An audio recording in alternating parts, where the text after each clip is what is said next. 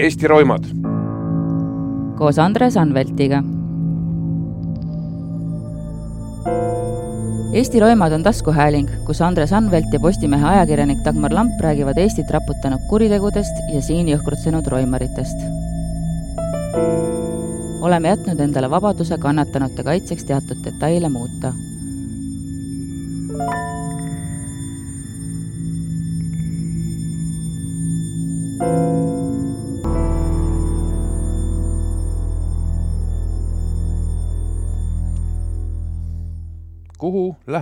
kurjakas, kui tal on vaja nõu ja abi? kelle käest liigub läbi raha? kuhu kaob kuritegude tolm? kes on need, kes lahendavad kurjategijate grupeeringute omavahelisi tülisid? kes ja miks juhib või juhtis Eesti allilma?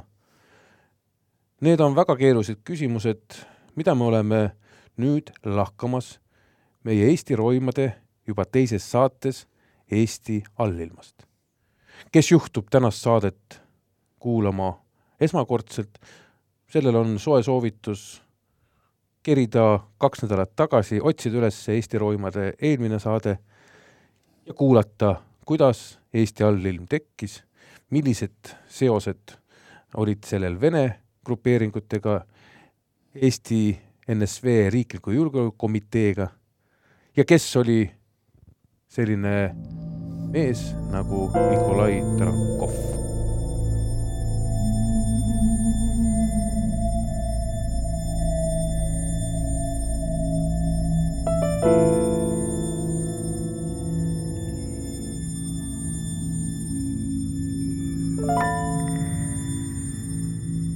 Head kuulajad, meil on Eesti allilma lahkamine Nikolai Tarakovi tribuutsaateks kujunemas äh, podcast. Eesti Roimad koos Andres Anveltiga, nagu näha, jätkuvalt minuga külas äh, erikülalisena Rasmus Kage, endine krimiajakirjanik, praegune krimispets jällegi, krimispets muidugi kõlab nagu sa oleksid väga osav krimis, aga, aga sul lihtsalt... ma juhin tähelepanu, et sellest on ikkagi väga kaua möödas, kui ma viimati, mul on siiamaani erinevate grupeeringute järgi kataloogid kodus riiulis, aga need kõik koguvad juba aastaid tolmu oh, fantastiline, kas sa saad oma testamendiga need mulle pärandada nagu ma arvan, et muideks eh, paljud need, kellest on, kes, kellest on seal juttu, koguvad või on muutunud ka tolmuks juba. on küll, jah. täpselt nii ongi. tervist jah, tervist, me oleme jõudnud üheksakümne kolmandasse, üheksakümne neljandasse aastasse, mis oli väga murranguline, ma saan aru, Eesti äh, nii allilmas kui pealilmas, see oli ka mulle isiklikult väga murranguline, sain kümneaastaseks, nii et äh, armusin esimest korda, nii et oli üldse põnev aeg kõigile. aga lähme siis ikkagi äh, selle juurde, kui me eelmises saates äh, üritasime lahata natuke seda, et miks just Tarankov, mida ta siis ikkagi täpselt tegi, siis äh, nüüd ma saan aru, te selgitate mulle seda, kuidas äh, tegelikult, kuidas ta on suutnud Eesti isegi päästa mõnes mõttes hulleimast. et, et asjad, mis ta nähtamatult tegi, olid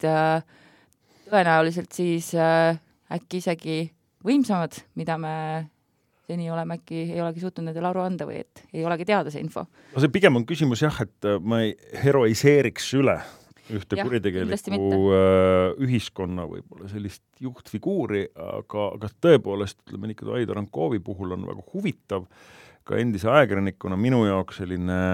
ma ootan väga head põhjalikku analüüsi selles osas, mis tegelikult vaataks võib-olla kümne, võib-olla kahekümne, võib-olla kolmekümne aasta pärast alles, äh, selle sisse, et kuidas tõepoolest ühel mehel, kes äh, kaheksakümnendate lõpus positsiooni sisse võttis, sisuliselt seda kolmkümmend aastat vankumatult juhtis, eks ju mm. -hmm. ja, ja selles valguses, noh, kui me räägime päästmisest, siis noh, ütleme neid päästeepisoode võib-olla minu kui ajakirjaniku silme läbi mõned tõesti olid. et noh, ütleme ühest me eelmisel aasta, eelmises saates rääkisime, et Andres rääkis väga värvikalt ja näidete varal sellest, et noh, et üheksakümnendate aastate algus oli no ikkagi väga verine, et kuidas ühel mehel oli võimalik sellest läbi tulla nii, et tema enda elu kallale kiputi, aga need ükski kippumine ei, ei õnnestunud, eks ju, ja, ja ta sisuliselt jäi liidriks ka veel nendel rahulikel üheksakümnendatel, veel rahulikumal kahe tuhandendatel, kuid tegelikult tulid Eesti allilmale sootuks uued väljakutsed. ehk et vot nüüd ongi, Andres, palju on räägitud sellest, et äh, Eestis ei olnud Venemaa klassikalise organiseeritud kuritegevuse ühtegi rakukest palju see nagu tegelikult nagu tõele vastas, kas võib öelda, et Eesti jäi puutumatuks, nii nagu Läti seda ei suutnud, ehk et kus Lätis sõna otseses mõttes öeldakse ju, et seal oli tšetšeenide väga korralik kuritegelik brigaad, mis oli otseses sidemes Moskvaga, seal oli ikkagi, toimetasid kõik need võib-olla juhtivamad, võib-olla mitte nii palju, aga siiski Venemaa kuritegelikud brigaadid, aga Eestis mitte ei, aga meil ju ka ju see tšetšeenid ja Haitov. no neid olid natuke teistmoodi. teised tšetšeenid? ei, ei, ei, ütleme teistmoodi. kui meie võtame Eestis tegutsenud tšetšeenid, siis nad olid kõik laiali mingites teistes grupeeringutes. ma isegi ei julge seda öelda, et meil oli väga palju etnilist kuritegevust, mingil määral olid taga Kaukaasiast armeenlased, aserbaidžaanlased, grusiinlased mingil määral hoidsid niisugust rahvustena ühtlust, aga kõik need teised eriti näiteks Keemero grupeering, mis oli väga selline internatsionalistlik, kosmopoliitne, Permikad võib-olla natuke vähem, aga nad kadusid ka orbiidilt ära. Eesti linnukate grupp oli mingi aeg, kadusid orbiidilt ära, aga äh, Rasmuse äh, mõttearendusele siis ma julgen tõesti seda väita, et äh, kui Lätis on siin läbi aastate räägitud isegi lausa kuuest-seitsmest nii-öelda seaduslikust vargast, kes on Lätis proovinud ja on ka juhtinud seda allilma, nende hulgas ka tšetšeene, kellest üks praegusegi, praegusenigi räägitakse kui ühest Läti allilma autoriteedist ja, ja kui me tuletame meelde siin ühte meie sellist endist kaitsepolitseiniku lugu Indrek Põdast äh, kohtulugu, siis oli ka üks episood seal sellest, kuidas ta käis temaga kohtumas Jurmalas, kui ma ei eksi, aga no see polegi tähtis. Äh, mis puudutab Eestit, siis ainukene selline rajoon, kus said kanda kinnitada just sellised äh, kuritegeliku vangla taustaga inimesed, oli Ida-Virumaa ja Ida-Virumaad tülid Äh, kahjuks või õnneks, ma ei oska öelda, lõppude lõpuks äh, päädisid ikkagi sellega, et nad oma mitmeid katseid äh, võtta üle kas või mingi osa Tallinnast, päädis see kõik harilikult siis nende kas tagasitõmbumise või hukuga. Miks ja kuidas Kolja Trankov suutis ennast eemal hoida sellest samast Vene allilma mõjust, siis ma arvan, esiteks ta ei hoidnud ennast eemal ta lihtsalt tegi vahet, kellega ta tegutseb. ta ei tegutse äh, vangla tausta inimestega, ta tegutseb pigem sellise intelligentsema poolega, kellega on võimalik ka rohkem teenida. kui me võtame näiteks ühe tema äh, kõige suurema äh, sõbra, trennikaaslase ja üldse sellise võitluskaaslase, keda viimati Eestis nähti tema matustel, Koljan Trakovi matustel, millest me räägime hiljem, oli keegi Jevgeni Kolesnikov, hüüdnimi Kolessoo, äh, ka tugev poksija, äh, kes juba, kui ma ei eksi, eelmise sajandi lõpus või vähemalt selle sajandi alguses võttis kaasa suure osa kokkulepe kindlasti, sest ta oli Eestis ikkagi teretulnud e, Tallinna või Eesti Ühiskassast ja teistest investeeringutest ja on Moskvas üks väga respekt ärimees praegu äh, ja ehitab kaubanduskeskusi. Ja seda ei ole võimalik, ma vabandust, vabandust, aga ma ütlen lihtsalt, lõpetan oma lause, et seda ei ole võimalik teha, kui sul ka seal ei ole sellise Venemaa organiseeritud kuritegevuse kätt sees. selleks pea olema nii tihti võib-olla mingisuguse äh, kuskilt Taga-Kaukaasiast pärit äh, seadusliku varga taust, selleks tasub ka omada sellist äh, julgeolekuga seotud Äh, intelligentselt organiseeritud kuritegevust, mida Moskvas ka väga palju, nii et ma selle mõttekäigu lõpetan ära sellega, ma arvan, tal olid seosed, aga ta ei lasknud sisse seda äh, ja seda ta ei lasknud ainult sellepärast, et oma võimu hoida ja oma kasumit targalt teenida, et siin ei oleks tulistamist, siin ei oleks plahvatusi ja ta saaks rahulikult tegutseda. Jah, mina tahtsin ainult siia vahele öelda seda, et äh, Kolesnikov on siis aastast üheksakümmend üks Karl Lehmanni poksiklubi president ja sealtsamast poksiklubist, ma saan aru, Tarankov ja tema äh, et seal ta treenis, seal ta käis ja muud sõbrad ja, ja mingi versioon siis kuskil on ka, et selle, seal poksiklubis regulaarselt äh, ühiskassa raha pestakse. nii et äh,, aga tal oli ka muidugi ju, ma ütlesin enne kohe nime valesti, nii palju on siin neid kurjakate nimesid, et äh, ma tegelikult tšetšeenidest äh, äh, ikkagi see nimi oli ju Haron Dikajev, aga, aga selle puhul on vähemalt sealt kriminaalse Eesti raamatust ma lugesin välja, et see tšetšeenid Eestis ei ole ikkagi mitte rahvusgrupp, vaid ikkagi niisugune laiem grupeering. see on nagu see suur vahe ja, ja muideks ma küsin su käest ühe viktoriini küsimuse, et äh, kas sa tead sellist äh, kirjanikku, kuna sa ise oled kirjanik, natukene äh, vähemalt. kümnes raamat tuleb suvel. mis asi? Arnold Tamm. Arnold Tamm, ei tea vist. aga sa tema poega Arnold Tamme tead?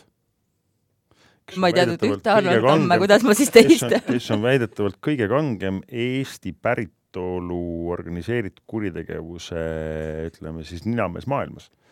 Soltseva grupeeringu üks juhtfiguure, kes siin suhteliselt hiljuti ka Hispaanias äh, kinni peeti, kes, äh, kelle puhul on alati otsitud nagu küsimust, et noh, et kas see Arnold Tamm, kes sündis Eestis mm., elas koos Teet Kallasega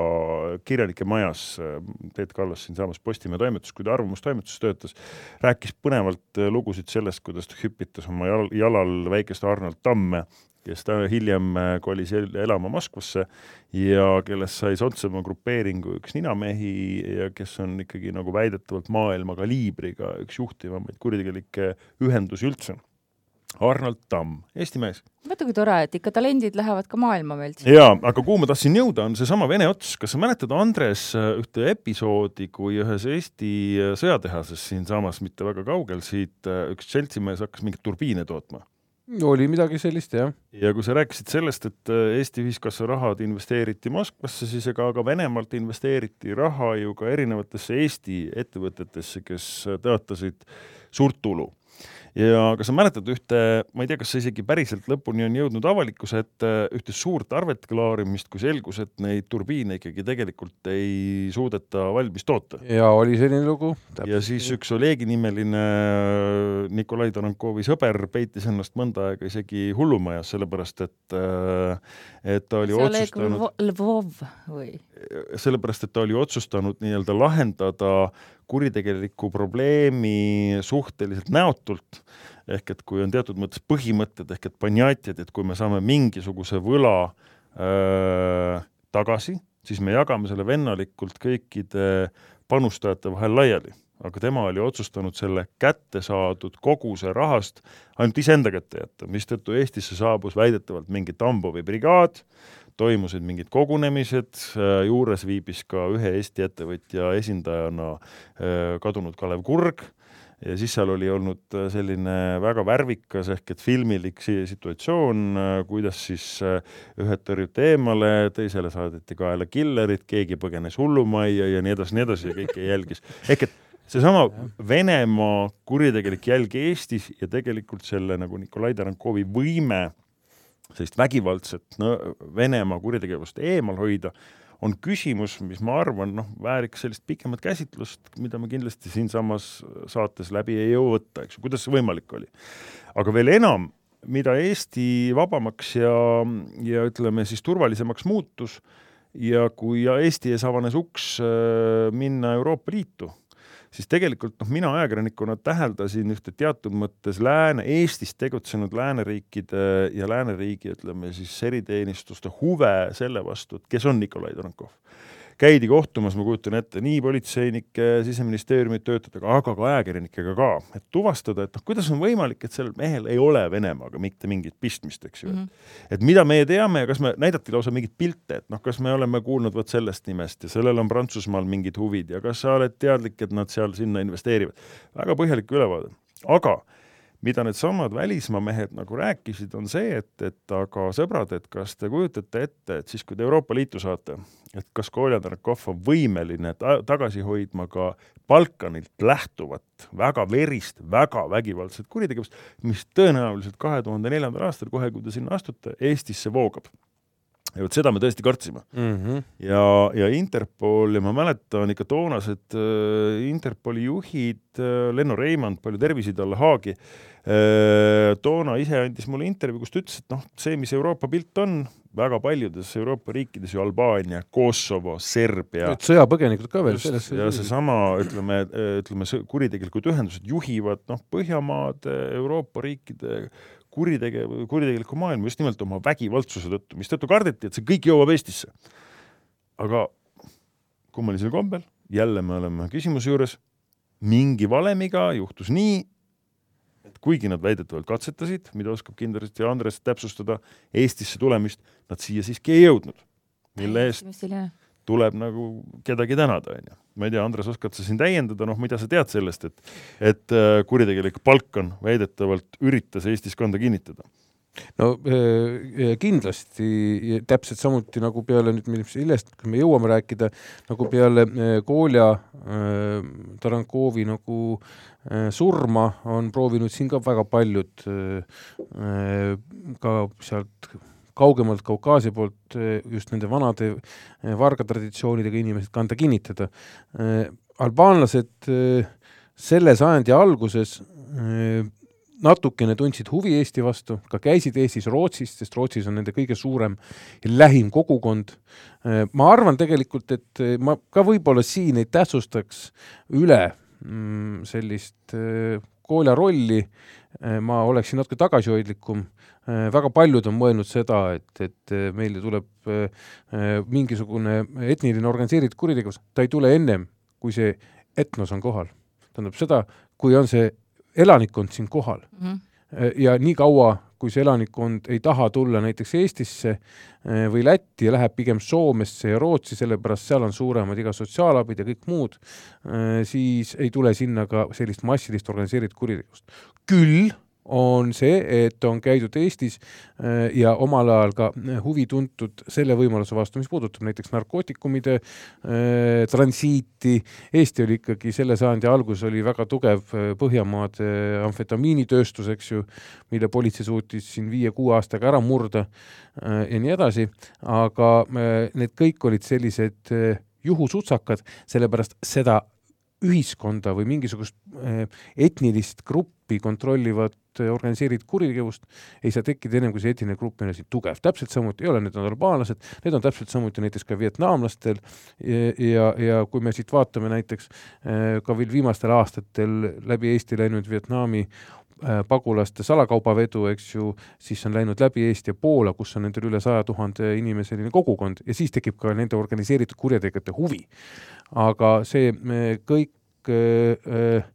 on olnud, ma arvan, mitmete asjade koosmõjul, nii et siin ma kellegi ees väga seda konkreetselt seda mütsi maha ei võtaks. see on küll minu arvamus, aga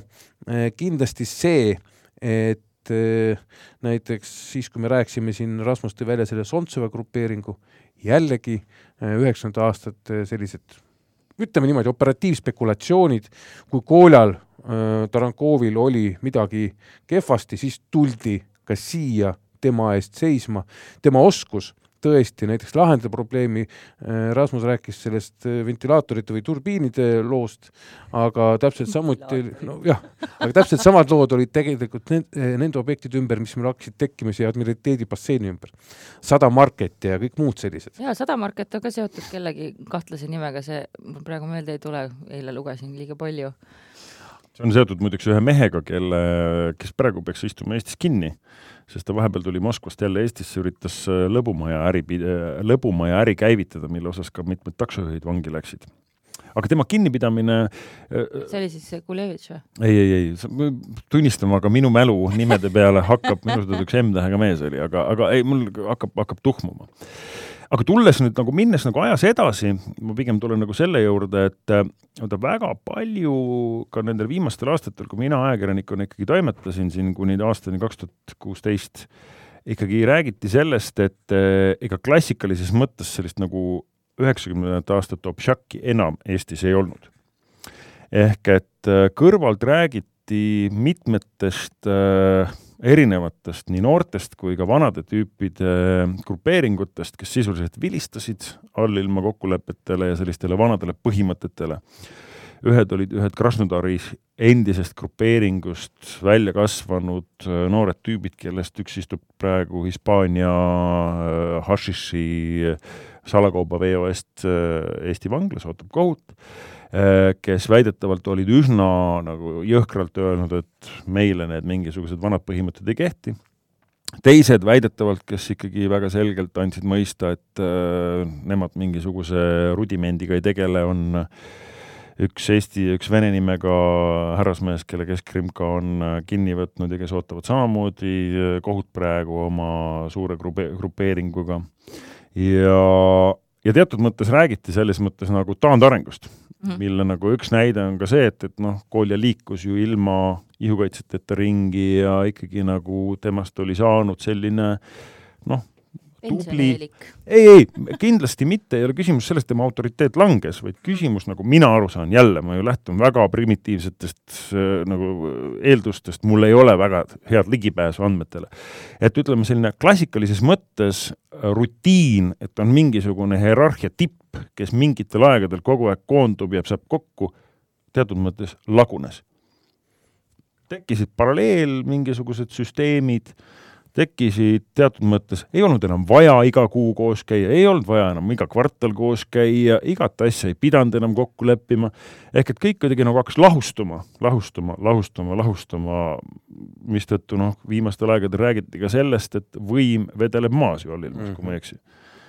aga okei okay,, kui me nüüd, kui see kõik lahustus, siis ikkagi, millest Tarankov elas, kes talle raha andis? No ma arvan, et äh, kõik need eelnevad aastad, erinevaid investeeringuid ja tema osalus ühiskassas oli ikkagi see, mis tõi talle sisse, tema autoriteet oli ikkagi see, et, et äh, kui tal oli kokku lepitud et ärimees Ivanov ja Johanson, eks ju, peavad mingisugust tema poolt äh, üles ehitatud, rahaliselt investeeritud, ma ei tea, restorani või mis iganes, äh, siis raha ikkagi talle toodi ära, eks ju, keegi ei hakanud temaga vaidlema. sest mm ega oma viimase hetkeni oma elus äh, oli ta ikkagi autoriteet, ükskõik mis ei olnud, on olemas klass inimesi, kes ikkagi hindas teda väga, aga kindlasti seesama klass muutus ka ikkagi eas ja vanuses äh, tagasihoidlikumaks selles tegevuses, ma arvan, et viimased suured sündmused, mis olid mingil määral soet-, seotud selle ühiskassaga, äh, mida põgusalt võib siin ju puudutada, olid need, mis puudutasid keskturgu sest keskturg oli ikkagi selline ühiskassa üks suur sissetulekuallikas ja, ja selle ümber käis selline nagu tants aurukatte ümber, äh, kus oli nii pettust, kus oli nii reetmist, kus oli nii palgamõrvarit, kus oli nii kättemaksu, eks ju, ja kõike muud sellist, äh, mis siis äh, viis ka selleni muideks, et ma arvan, et see on üks ainukene kord, kus meil politseis oli tegelikult käes ükskord siis tõesti ühiskassa nii-öelda see pearaamat või noh, mida pidas keegi Klepatši nimeline. Klepatš jah, kes siis äh, tegelikult. ka kinni läks. see läks, jah, ta läks kinni, aga ta, nad varastasid üksteise tagant ja mis näitas seda, et, et äh, teda ikkagi karistatud, nagu öeldakse, kõrgema määraga allilma poolt, vaid visati lihtsalt oma majast välja. Äh, noh, see juba näitas võib-olla mingisugust sellist rahunemise märki. üks asi, mis kindlasti tuleb juurde tuua, mis on ju tänapäeval muutunud ja seesama Äh, siis äh, kuidas ma ütlen, äh, selline kõlakas või mitte isegi mitte kõlakas, aga, aga äh, lugu, mis puudutab, eks ju, Varabeid ehk seda inimest, kes Kolja Tarankovi äh, teie silma viis äh,. see oli ka seotud ju sellise asjaga nagu äh, fentanüül äh, ja fentanüül on muideks täiesti uus kuritegevuse liik, mis ei vaja enam organisatsiooni näiteks on üks hea näide sellest. ja üldse tänapäeval selline klassikaline organiseeritud kuritegevus igal pool taandub ja tulevad asemele täitsa teistmoodi tegutsevad, varjatult tegutsevad fentanüüli viimane kriminaalasi, mis meil näiteks siin kohtus on, kus on summad, on tegelikult palju suuremad, mis on võrreldamatud näiteks sellesama keskturu mingisuguse tädi käest raha väljapressimisega, eks ju, kakssada mm -hmm. krooni kuus, eks ju, seal on üks doos on äh, kallim ja seal on vaja mida, seal on vaja äh, ühte-kahte ettevõtlikut inimest, darkneti, äh, postiteenust ja see asi liigub sul ja sul ei ole mingit katust vaja. kartellid Ameerikas on käed tõstnud, ütlevad, et noh, mis nad tassivad seda kokaiinid ja vanad asjad ja niimoodi tulevad, kõik moodsad asjad tulevad teistmoodi ja, ja see võtab ära äh, sellised siiamaani võib-olla isegi sadakond, võib-olla paarsada aastat tegutsenud sellised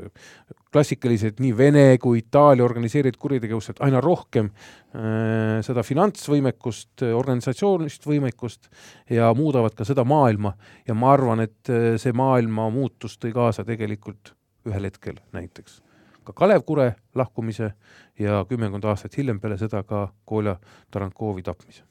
aga me võime siis põgusalt selle keskturu case'i ju üle käia. Ehm, et äh, kõigepealt siin siis algab sellega, et äh, Politšuk oli Politšuk, on ju? Politšuk, jah. ma olen siin ainult kirjutanud VP, sest ma ei jaksanud enam neid nimesid kirjutada. Äh, Politšuk ostis äh, omal ajal saja kuuekümne tuhande krooni eest keskkõru, mis oli siis, ma saan aru, täiesti naeruväärne kopikas Ehm, ja, ja siis kõigepealt äh, tema siis seitsmendal novembril üheksakümmend üheksa sai oma autos istudes pihta kuus kuuli ja ellu, huvitav oli ka see, et ise oli peaaegu poolenisti juba mõistuse kaotanud õigemini siis teadvuse kaotanud, aga suutis vastu tulistada ja haavas. ja see siis äh, lõpuks, kui siis Maardus seal peeti kinni Joškar Olast pärit Marat Sadõkov, siis Sadõkovilt ka leiti see haav, mis läks Politšuki eh, tulistatuga kokku ja, ja siis ma saan aru, et siin oli keegi Jevgeni Põkov noorem, kes, kes oli võtnud sihiks eh, tappa nii Politšuk kui ka Meelis Lao ja Mait Metsamaa. Ja Meelis Lao on siis ainsana, ma saan aru, neist, on ta veel elus? ei, Meelis Lau on muidugi elus ja, ja, ja Politšuk ise ka ikkagi. Politšuk on ka ikkagi elus. jah, Politšuk sai vanglast välja. ja Metsamaaga läks natuke kehvasti, aga kokkuvõttes tegelikult see asi oli palju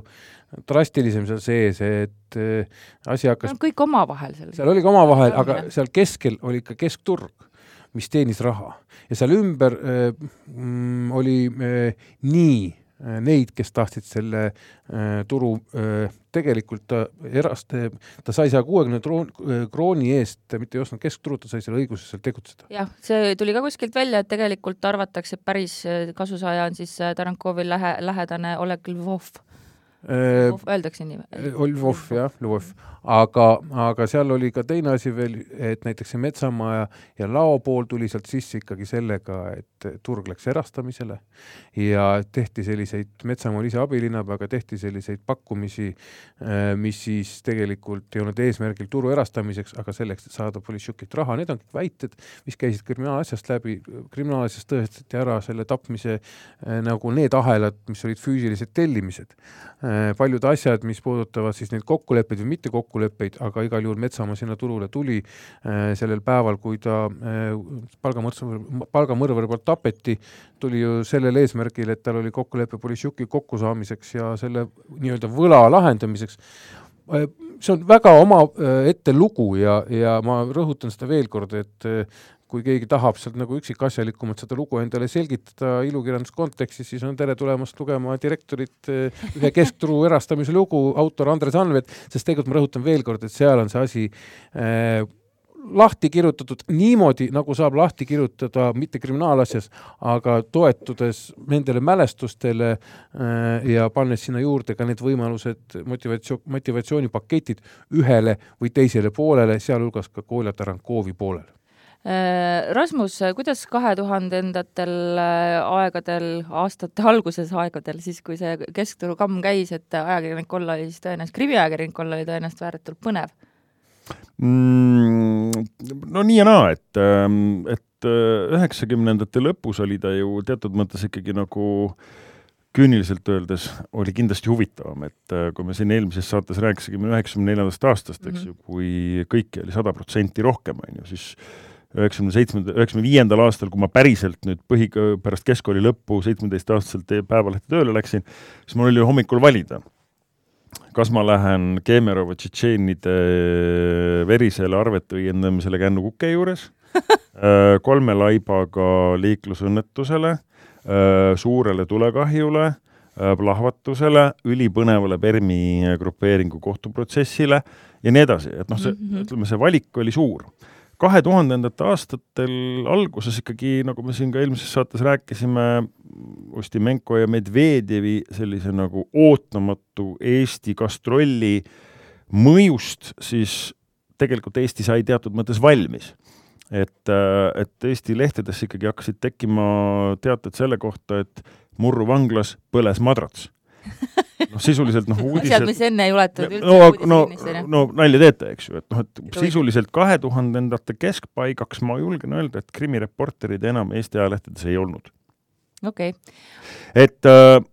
mis ei tähenda seda, et lugusid ei kirjutatud, lugude tegemine muutus oluliselt nagu keerulisemaks, eks ju, et ütleme, kahe tuhandendatel väga huvitav oli ju kogu nende eestlaste naasmine Marbella,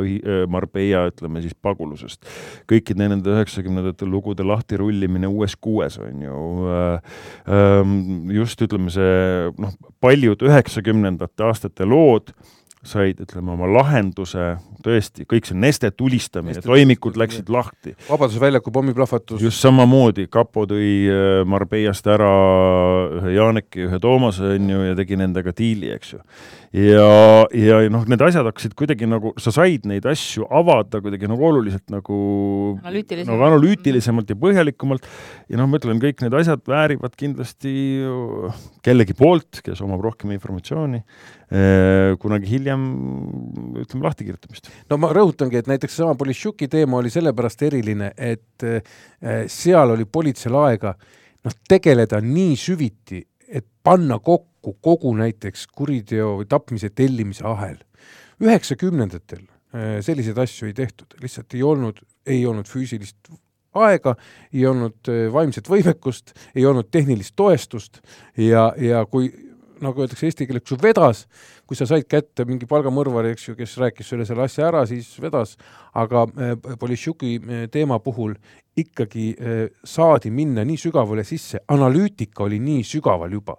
et tehti kogu see pilt endale selgeks ja sellepärast seda menetletigi mitu aastat ja, ja siis kohtus vaieldi ja siis oli ka meedias huvi väga suur, sest miks ei maksa unustada, keskturu ümber oli natukene poliitikat seotud, äh, seal olid seotud Vene ajalehed, nagu näiteks, äh, mis ta oli siis, mitte ma info ei, see oli Estonia, Gazeta Estonia, mis ei, oli? Molo... Maladjoš Estonia vist. Ja, ja, ja seal oli Gennadi Ever, kes pärast äh, sai huku, seal olid äh, Haitovid äh,, isa ja poeg, eks ju, kes said otsa. Ja see oli kõik kaudselt sellega seotud, see oli huvitav ja lai teema, huvitav selles mõttes nagu politseiliselt ja kindlasti ajakirjanduslikult aga need olid kõik üheksakümnenda aastate sõdade kajad. järellainetus. järellainetus mm. -hmm. aga jõuame nüüd ka lõpuks siis äh, Tarankovi tapmise juurde, nagu me siin korra läbi käis, et siis tegelikult äh, äh, nii-öelda siis jutumärkides isake leidis siis oma lõppu üsna nagu totral viisil äh,. mis sellele kõigele eelnes, teate teie tõenäoliselt paremini kahe, ma teen siis väikse sissejuhatuse sellest, et kolmeteistkümnenda septembri aasta kaks tuhat kuusteist hommikul äh, otsustas siis kõigepealt Tarankov, ma saan aru, minna kalale Saunja lahe äärde supluse kinnistule ja, ja temale sõitis sinna järele Juri Vorobei, kes, kelle eesmärgiks oli siis äh, Tarankoviga rääkida nende vahel toimunud arusaamatusest. Ja ja Vorobei siis seal teda natuke jälgis, peiti seina sisse ning äh, kui Tarankov hakkas paati vette laskma, ühesõnaga siis, ma saan, kohtus tuli välja, Vorobei ütles, et ta kõigepealt üritas nagu rääkida, aga siis lasi lihtsalt vist jah, seitsmel korral äh, ülakehasse ja pähe, et viimati, viimane oli siis see kontrolllask, et ikkagi Tarankov oleks äh, kindlasti surnud. et vähemalt seda siis väitis Vorobei kohtus, et ta nagu soovis rääkida, aga, aga noh, eks see on niisugune tema enda sõna, aga, aga mis sellele kõigele eelnes, et kohtust, ma sain aru, tuli välja ainult see, et Tarankov oli eh, Vorobeid tšortiks eh, sõimanud, aga, aga aga ma eeldan, et, et see on natuke keerulisem kui lihtsalt no kindlasti on natukene keerulisem, sellepärast see otsus, et eh, minna nüüd kas või siis hääbuva, kuid ikkagi kuritegeliku maailma autoriteediga äh, sellise konflikti, seal taga peab olema midagi väga tugevat, seal peab olema taga see kaks võimalust, kas sul on temaga elu ja surma küsimus, lahendad isiklikult, või teine võimalus on see, et sa oled tellitud kuskilt kellegi poolt, kes tahab eest kõrvaldada siis võimaliku konkurendi ja asuda tema asemele antud juhul esiteks on selge see, et Vorobei ja Vorobei perekond äh, Äh, esiteks, Kolja Tarankov ei käinud seal niisama kalal, ta käis seal, see oli tema kalastamiskoht, ta äh, oli Vorobei äh, isa ja perekonna hea tuttav, aastaid tundnud, koos teemasid teinud, pojaga oli tal tüli, ametlikult kriminaalasjast see tüli jäigi äh, nagu lähti rääkimata, kuigi ka meediast on see läbi jooksnud ja ma võin seda ka kinnitada oma äh, siis allikate pinnalt, et äh, Varabei konflikti taga Kolja Tarankoviga olid ikkagi narkootikumid, seesama fentanüül, mis seal need üksikasjad on, jään siin vastuse võlgu. Äh, aga äh, kindlasti see, et, et äh, Kolja arvatavasti ei tahtnud sellega tegeleda, Vorobeil oli juba mingisugune diil kuskil kellegiga tehtud, ta vabas, vajas mingit tuge ja, ja see konflikt võis olla tegelikult temaga elu-surma küsimus, sest noh, seda lugedes ka seda või mida sa rääkisid, tutvustasid seda olukorda seal sündmuskohal, no siis kindlasti sellise ettevalmistusega ei minda mitte rääkima, eks mm, -hmm. vaid minnakse ikka konkreetselt tappa. selles mõttes, et kui mina tahan oma äh, sõbraga või siis ka ütleme, mõne autoriteetsema isikuga oma elus, äh, bossiga rääkima minna, siis ma ei peida ennast heina sisse enne, see... ja ei käi vaatamas seda kohta, eks ju ja, ja ei istu nagu vastutava toimetaja laua all, oodates teda tööle ma saan aru, et vastutav toimetaja võib karta midagi plaanid on sellised. nii et jah, et ta leidis oma sellise otsa äh, ma arvan, et, et äh, see, et teda ikkagi austati, näitasid tema matused, kus oli kohal öö, äh, osad inimesed öö, äh, täpselt samades jopetes, nii nagu ma neid üheksakümnendatel kuskil kiriku juures järjekordsetel matustel pildistasime. inimesed ei ole muutunud väga suuresti nende aastakümnete jooksul, aga see inimeste arv näitas seda, et tema autoriteet oli kindlasti oluline. palju seal kohal oli neid inimesi? Ei oska niimoodi öelda. ise jälgisin, ma vaatasin seda, pildigaleriis, galeriis oli ikkagi erinevate väljaannete poolt ikka sadades oli neid nägusid ja, ja äh, see on kindlasti väga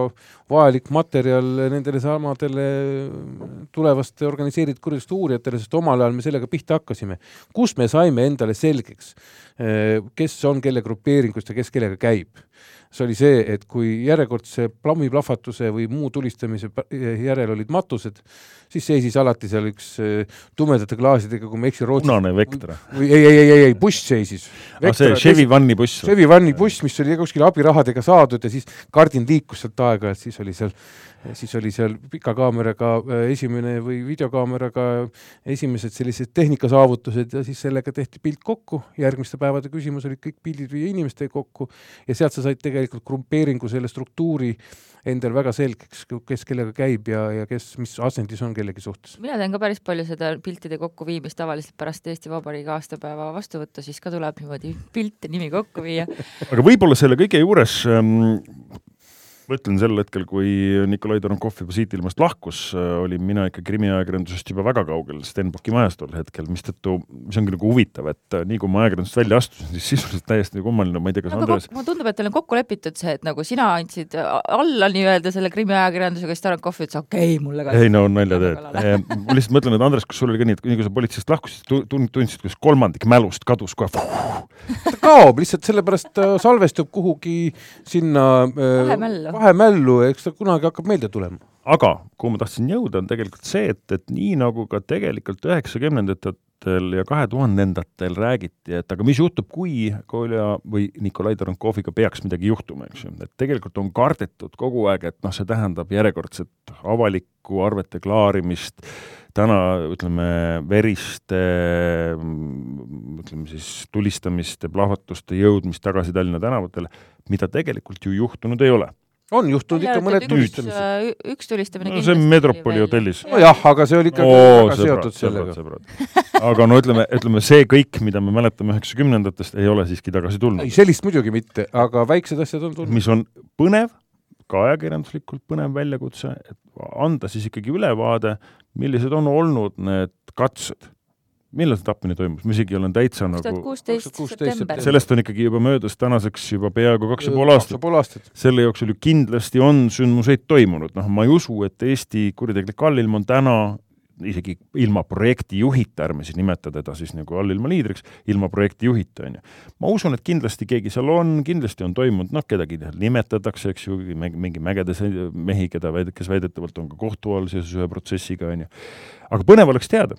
põnev oleks teada, mis seal toimub, kes seal kellega käib, kas on katseid äh, nii-öelda välismaalt uuesti sisse tulla. Ja, ja selles mõttes tuleb, ma arvan, kiita ka Eesti jõuasutusi, et jõuasutused äh, läbi mitmete äh, kohtuprotsesside või menetluste, ma julgen öelda, ikkagi nende äh, võimutaotlejate, võimalike võimutaotlejate tiibu ikka oluliselt kärpinud. ehk et, ehk et see, mida täna on Keskkriminaalpolitsei ennekõike, mida Andres kunagi ka juhtis, eks ju, on täna suutnud ära teha, mulle kui kõrvaltvaatajale. Ma võin öelda, et noh, müts maha, müts maha. Et äh, allilmas on säilitatud teadvus ikkagi selline vaikelu, see ei ole jõudnud tagasi äh, tavainimeste silme alla ja, ja, ja paljud otsustajad ootavad täna kohut või on juba sinna või ei ole sealt vanglast välja pääsenud, ei ole tema ennetahtlikust vabastamist äh, rahuldatud ja nii edasi sellega saab ainult nõus olla, ma küll natukene vaidlen vastu, et mingisugused sündmused on olnud, aga need on kõik surutud, sisuliselt kohe maha surutud, inimesi on välja saadetud Eestist, kes ma ütlen, mina ei tea, ma ütlen ausalt, noh, et Andres on äh, oluliselt rääkima. paremini informeeritud, eks ju. ja, ja selles on Rasmusel sada protsenti õigus, et väga paljud need, kes äh, võib-olla Kolja Tarankovi äh, siis mahalaskmise järel ütleme niimoodi, hõõrusid käsi ka siinsamas Eestis et nüüd võiks eh, hakata nagu ise toimetama ja täitsa omapäi toimetama, need on tõesti eh, kas juba süüdi mõistetud või ootavad oma kohtuotsust eh, ja, ja proovivad kuidagi vastu pidada Eesti õiguskaitseorganite survele. nii et siin ei maksa mingeid vandenõuteooriaid, teooriaid väga pingutada, lihtsalt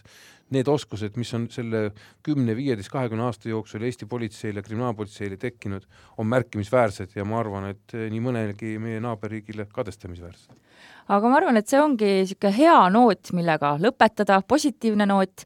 äh,. aitäh teile, härrased, et te mind nii põhjalikult harisite, ma ikka täiesti, mul on nii hea mõte, et ma seda podcast'i teen, nii hea meel, et ma seda podcast'i jätkuvalt, jätkuvalt teen, kogu aeg saan targemaks ja aitäh sulle, Rasmus et sa tulid oma tiheda päevagraafiku kõrvalt, aitäh sulle,